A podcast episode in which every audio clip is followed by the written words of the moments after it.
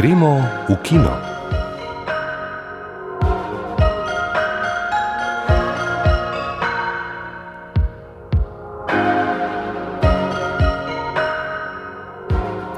Drage poslušalke, dragi poslušalci, lepo pozdravljeni.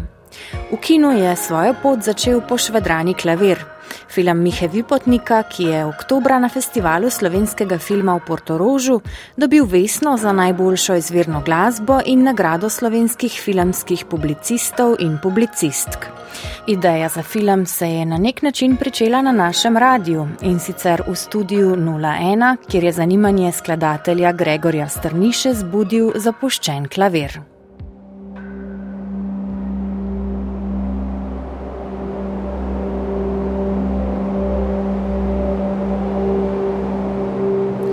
Slovenske publicistke in publicisti so v obrazložitvi na festivalu slovenskega filma v Portorožu ob podelitvi nagrade filmu Pošvedrani klavir med drugim zapisali, da gre za sodobno, radovedno, kompleksno in dovršeno delo, ki raziskuje in razširja filmski medij, vizualno, strukturno in vsebinsko.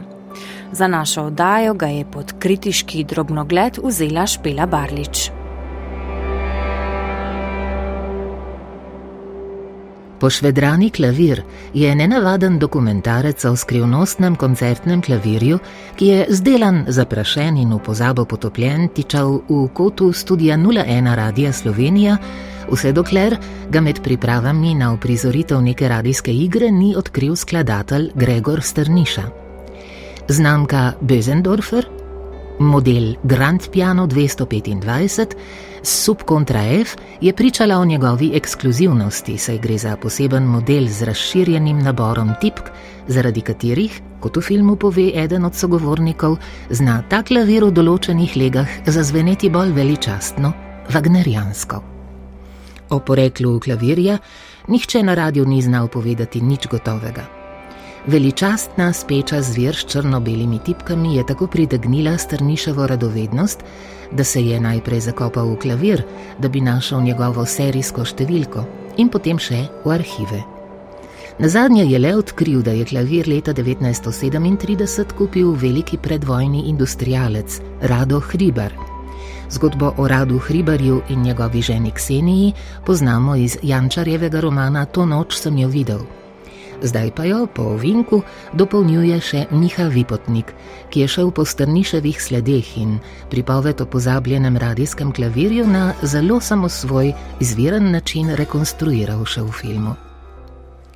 Pošvedrani klavir ni klasičen dokumentarec, kjer bi v ospredje silila informativna funkcija, ampak je polnokrvno avtorsko delo enega najvidnejših domačih intermedijskih umetnikov akademskega slikarja in videasta Mihe Vipotnika, ki se je filma lotil na precej eksperimentalen način.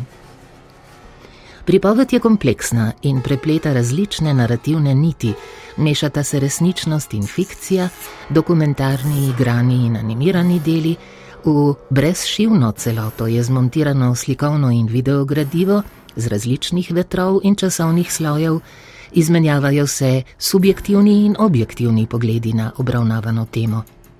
Podobno kompleksna je tudi zvočna slika.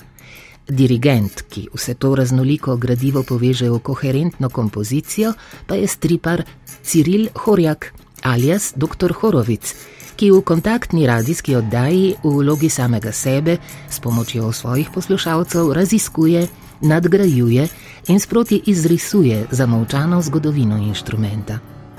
Ciril Horjak se izkaže s tako naravno filmsko, pa tudi radijsko prezenco, da bi bilo prav škoda, če ga ne bi še kdaj srečali, tudi na velikem platnu. Kljub svoji zapleteni, večplastni strukturi ima film, še zlasti v prvem delu, zelo lahkoten, igriv ton, ki postopoma dobiva temačnejši zven. Gledalec, ki ne pozna ozadja zgodbe, bo sicer težko ujel vse pomenske odtenke in povezal vse zgodbene niti, ki jih je avtor zavozlal okrog nesrečnega klavirja, saj je teh preprosto preveč, da bi jih v celoti doumeli že ob prvem ogledu. A to nima bistvenega vpliva na estetski užitek, ki ga film ponuja. Vipotnikov Vanta Črn klavir iz studia 01 je črna luknja, ki zgosti čas črvina, skozi katero zdrknemo po dramatični zgodovini 20. stoletja. Njegov film pa sodobna, sveža in dinamična interpretacija dokumentarne forme.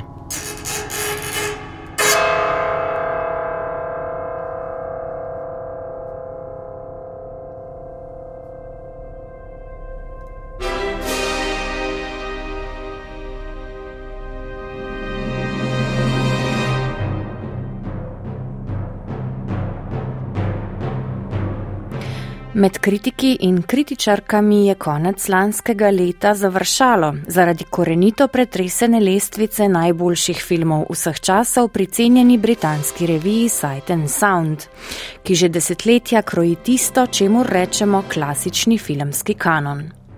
Po 50-letni vladavini državljana Kejna in desetletju Hičkokove vrtoglavice je prvo mesto prvič zasedel film, ki ga je posnela režiserka.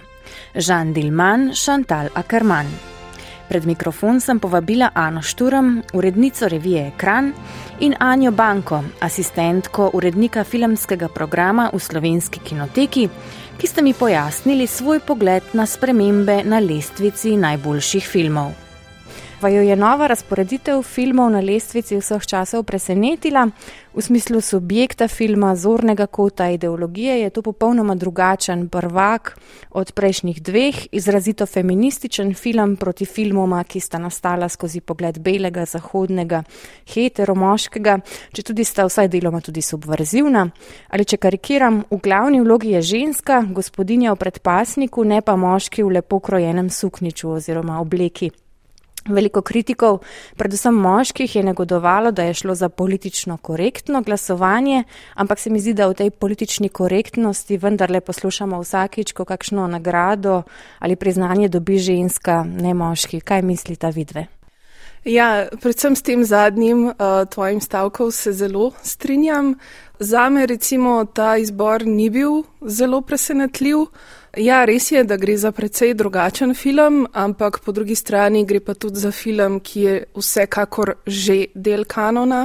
Gre za uveljavljen film, gre za enega izmed najbolj znanih tako imenovanih feminističnih filmov, gre za film, o katerem se učijo v šolah je film bele režiserke, film, ki je nastal v zahodnem privilegiranem svetu, tako da v bistvu ta sprememba, sploh glede na uh, to, kaj se je v zadnjih desetih letih dogajalo tudi v svetu, na neke te, glede na neke sociopolitične okoliščine, se mi zdi, da to, da je ta film se znašel na vrhu, niti slučajno ni ne nekaj kontroverznega, ne nekaj presenetljivega, ampak nekaj, kar uh, se mi zdi čisto vsakdanje oziroma nekaj, kar se je pač moglo v tem času tako ali pa drugače zgoditi.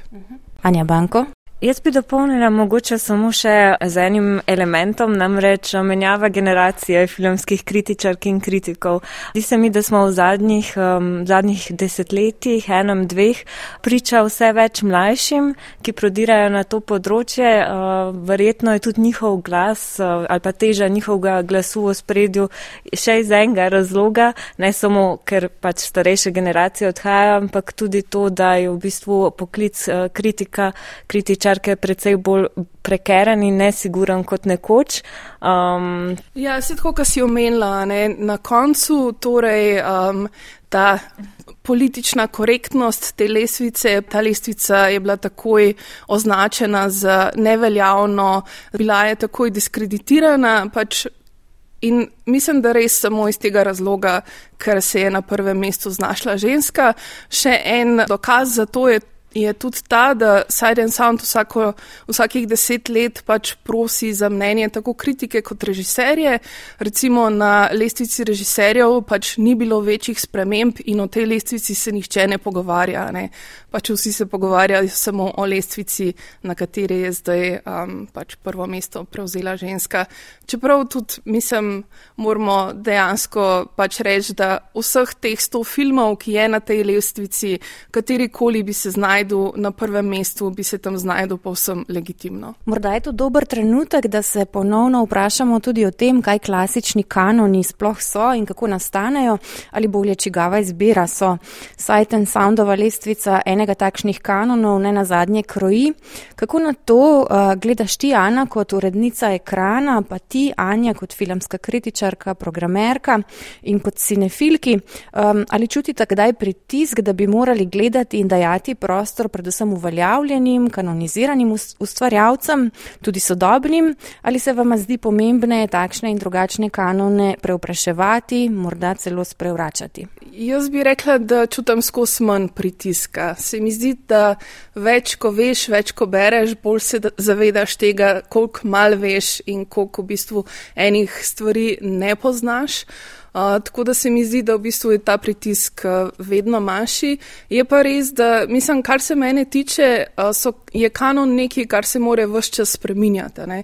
Tako da tudi v bistvu to dejstvo, da je bil Citizen Kane oziroma državljan Kane 50 let na prvem mestu, se mi zdi veliko bolj problematično kot to, da imamo na vsakih deset let neko spremembo, ker se mi zdi to logično. Pač pridajo novi filmi, nove generacije, kot je prej že omenila Anja spremlja, ljudje vidimo nove stare filme, tako da kanoni niso nekaj stalnega, ampak so nekaj, kar se vse čas spreminja um, znanjem, zno, mislim, s tem, ko odkrijemo nove filme, s tem, ko pridobimo nove, novo znanje. Um, tako da pač dejansko je to nekaj, kar je vse čas v, v nekem spreminjanju, v nekem toku.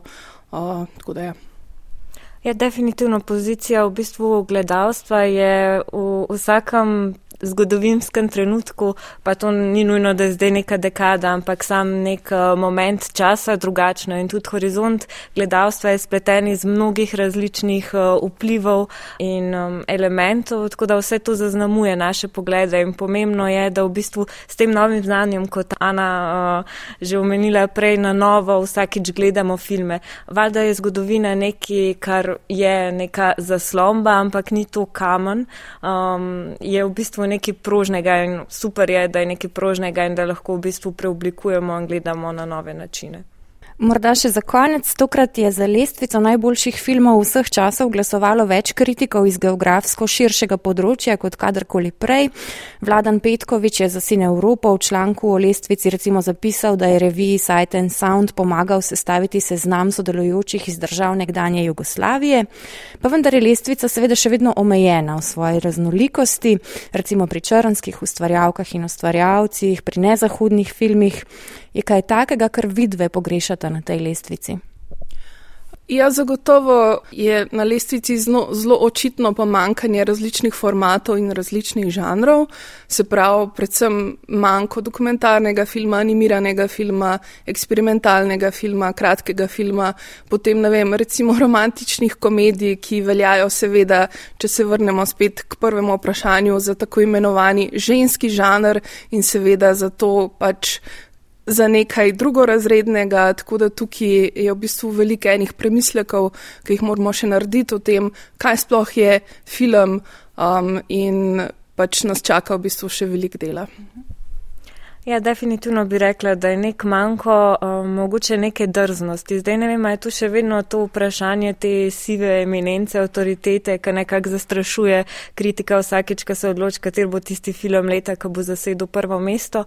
Um, ampak zdi se mi, da mogoče ja, včasih ta moment uh, iskrenosti in užitka. Uh, ob ogledu, kaj je včasih lahko romantična komedija, nek uh, kratek animiran film ali pa ja, mogoče tudi neka resna melodrama. Ta užitek večkrat se mi zdi nekako potisnemo v drugi plan in um, ga ne upoštevamo. V bistvu je racijo na prvem mestu pri tem, ko rečemo, kaj je tisto najboljše. Pa bi mogoče mogli bolj slediti svojemu srcu. Občutku, ja. Ana Šturam in Anja Banko, najlepša hvala za ta zelo zanimiv pogovor in za pronicljive uvide.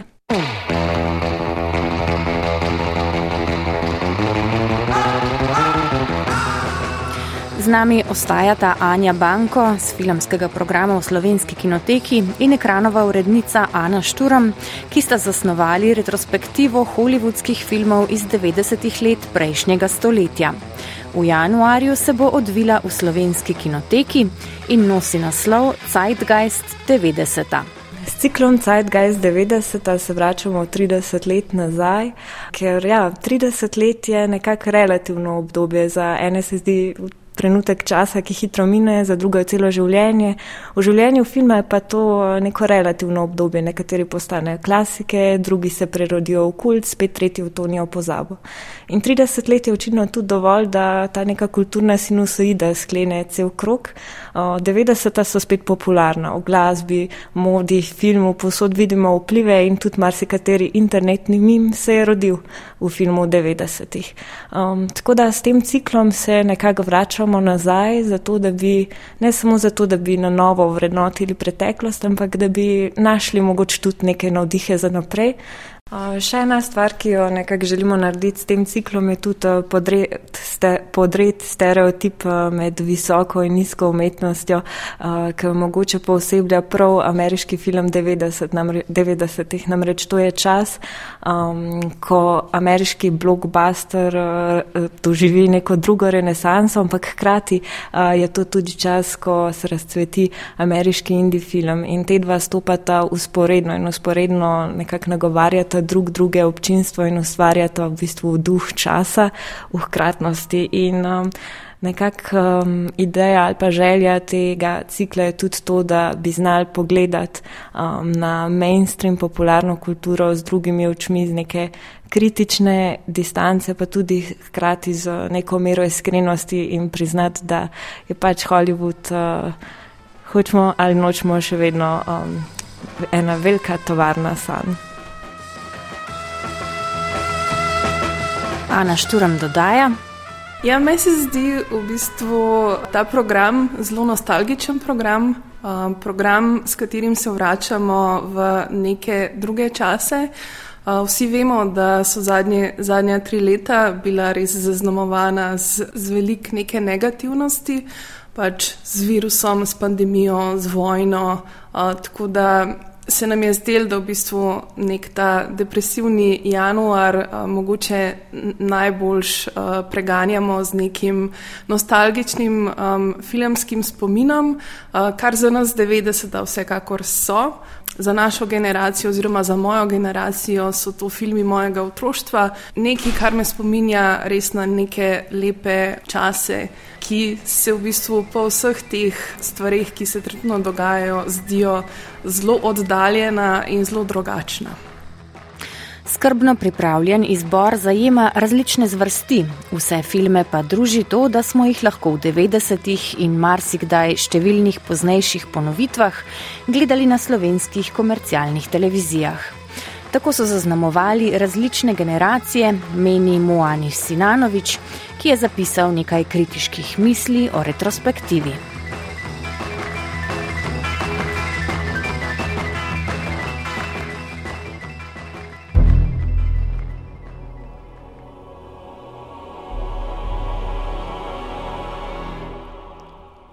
Ko filme retrospektive z naslovom Zeitgeist 90 gledamo v zvratnem ogledalu, zlahka opazimo številne skupne estetske točke. Omenjeno desetletje je proizvajalo posebno željo in jo prodajalo s posebno estetiko. V številnih filmih, recimo Maski, Pravi stvari, Pelikanovem poročilu, Zaupanju, se srečamo s posebnim predstavljanjem ameriške urbane krajine. Tu so oddaljeni plani, skriti kotički, čar noči in prepredenost s sencami, ki iz mest delajo skrivnostne kraje neskončnih možnosti. V primerjavi s sedanjostjo lahko rečemo, da je današnja popularna kultura to podobo mesta v celoti razstavila, odpravila njegovo privlačno skrivnostnost. To je v času interaktivnih mobilnih map in povsod prisotnih mobilnih kamer, v času, ko stara oblika zasebnosti ni več mogoča, tudi pričakovano. Enako se zdijo filmi Ceste, v katerih zaljubljenci pobegnajo pred pritiski vsakdanjega življenja, potem ko so storili kriminalna dejanja odmev preteklega časa. V letu 2023 si ob vseh sledilnih napravah težko predstavljamo, da bi bili taki pobegi verjetni. Srečamo se s protislavnostjo ameriške ideologije 20. stoletja. Amerika se kaže kot država neskončnih možnosti, hkrati pa kot država kulturne represije. Dolg časa pritiska mainstreamovskih vrednot, pred katerimi je treba pobegniti. Zdi se, kot da zabavna industrija hkrati prodaja kritiko in rešitev za njo. Izpostavljeni so zgube izobčenci in posebneži, ki pa imajo vedno možnost individualnega preboja in so vedno dobro videti. Dvojnost opazimo tudi v glasbi. Krute, boleče prizore pogosto spremlja mehka glasba, ki v realnem času ustvarja traumatično navezanost. Hollywood z občinstvom manipulira, saj v gledalcih vzbuja občutja odrinjenosti, hkrati pa jih treplja po rami in jim ponuja hitre rešitve. V filmih Telma in Louis ter Maska vidimo odmeve današnjih kulturnih bojev. Prvi je neposredno razgalil kulturo spolnega nasilja, v posrednem smislu pa je bil alegorija za plenilske odnose v sami filmski industriji, ki so na dan prišli z gibanjem Jaz tudi. Maska je nekakšen predhodnik Jokerja, saj poudarja razcepljenost sodobnega moškega subjekta in zahteve, ki mu jih družba postavlja. Duha časa verjetno umetniško najprepričljiveje zajame Hartlejevo zaupanje, eden ključnih ameriških neodvisnih filmov desetletja, črna romantična komedija z neprilagojenima junakoma v glavnih vlogah. Pri drugih žanrskih filmih je še opazna strožja delitev na žanrske in kanonske pristope, ni se še zgodila postmoderna stalitev, kakršno poznamo danes.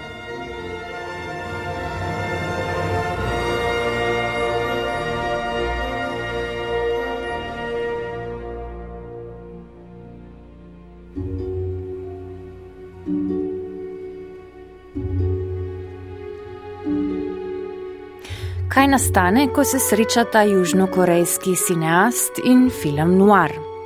Dvojna prevara je novi celovečerni film Chan Vuka Parka, ki ga poznamo po filmih kot sta Stari in Sluškinja. Ogledal si ga je Gora Strošnavec.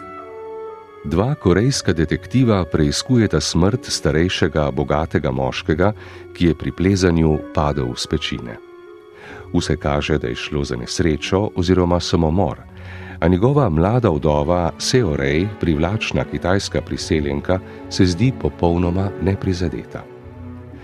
Poročeni detektiv Hejun, sicer obseden z nerešenimi primeri, postane tekom preiskave vedno bolj zainteresiran za mladenko, ki tudi ni povsem nedovzetna za njim.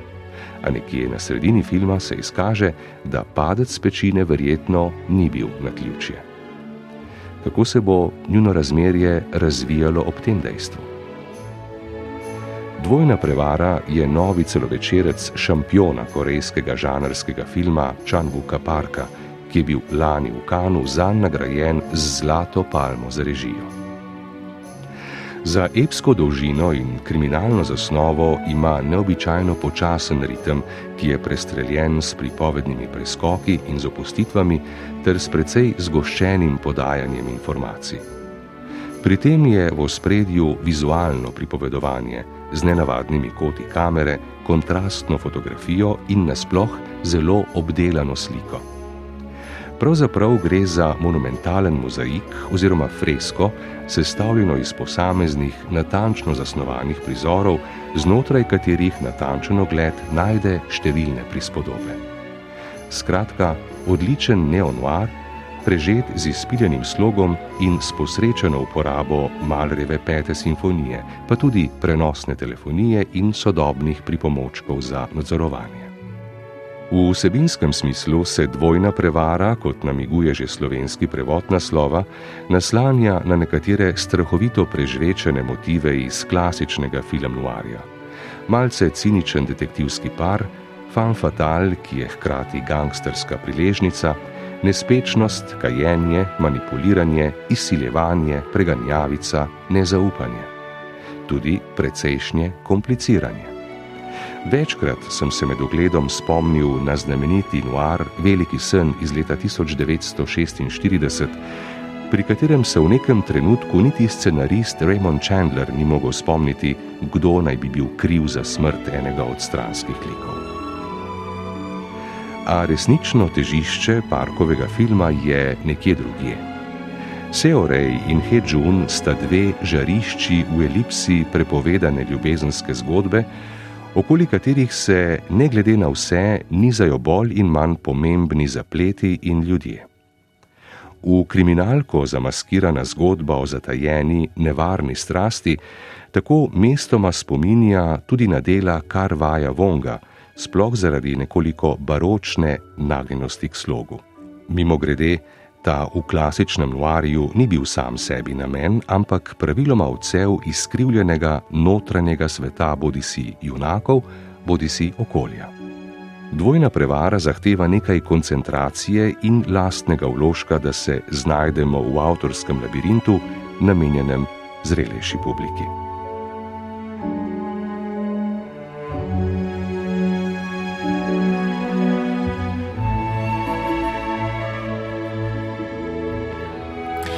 Zadnjem tednu so se poslovili trije ustvarjalci, ki so pomembno sooblikovali naš filmski prostor. Dunja Klemenc je zaslužna za profesionalizacijo poklica filmske producentke oziroma producenta pri nas. Direktor fotografije in snemalec Ivan Belec je sodeloval pri številnih klasikah, kot so Vesna, Na svoji zemlji ter Nejoči Peter. Maku Sajku, režiserju kultnih dokumentarnih filmov, ki so še posebno zaznamovali 60. in 70. leta prejšnjega stoletja, pa je posvečena tudi tokratna filmoteka. Filmoteka. Minuli teden se je v 96. letu starosti poslovil režiser in scenarist Mako Sajko, ki je bil eden prvih formalno izobraženih slovenskih filmarjev. V 60. in 70. letih prejšnjega stoletja je ustvaril niz klasik, ogrlico filmskih biserov na nehvaležnem vratu slovenske kinematografije. Čeprav so združeni posamezniki političnega sistema Sajkovo ustvarjanje nasilno ovirali in na zadnje prekmalu prekinili, je ustvaril zavidljiv opus, žal le kratkometražnih filmov. So ob podelitvi nagrade Franceta Štiglica za življensko delo predlani zapisali v Društvu slovenskih režiserjev. Mako Sajko je posnel 17 kratkih dokumentarnih filmov, ki so pionirski po izbiri tematike, slogu pripovedovanja ali tehnični izvedbi. V filmoteki hranimo njegov kratki film Slavica Exception, dokumentarni portret profesionalne striptizete, ki jo je denarna stiska pripeljala v bar, kjer moški z nakupom šampanca mislijo, da so kupili tudi žensko. Dokumentarec Maka Sajka si lahko izposodite v digitalno restaurirani različici v paketu Kratke klasike. Najdete ga v aplikaciji RTV 365. Filmoteka na RTV 365.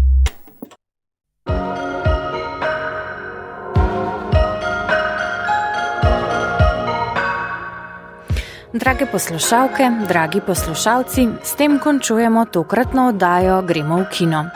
Oblikovali smo jo Jasna Rudošek, Renato Horvat, Tina Ogrin, Klara Otorepec in Tina Poglajen. Želim vam veliko užitkov ob dobrih filmih in vas lepo pozdravljam do prihodnjega tedna.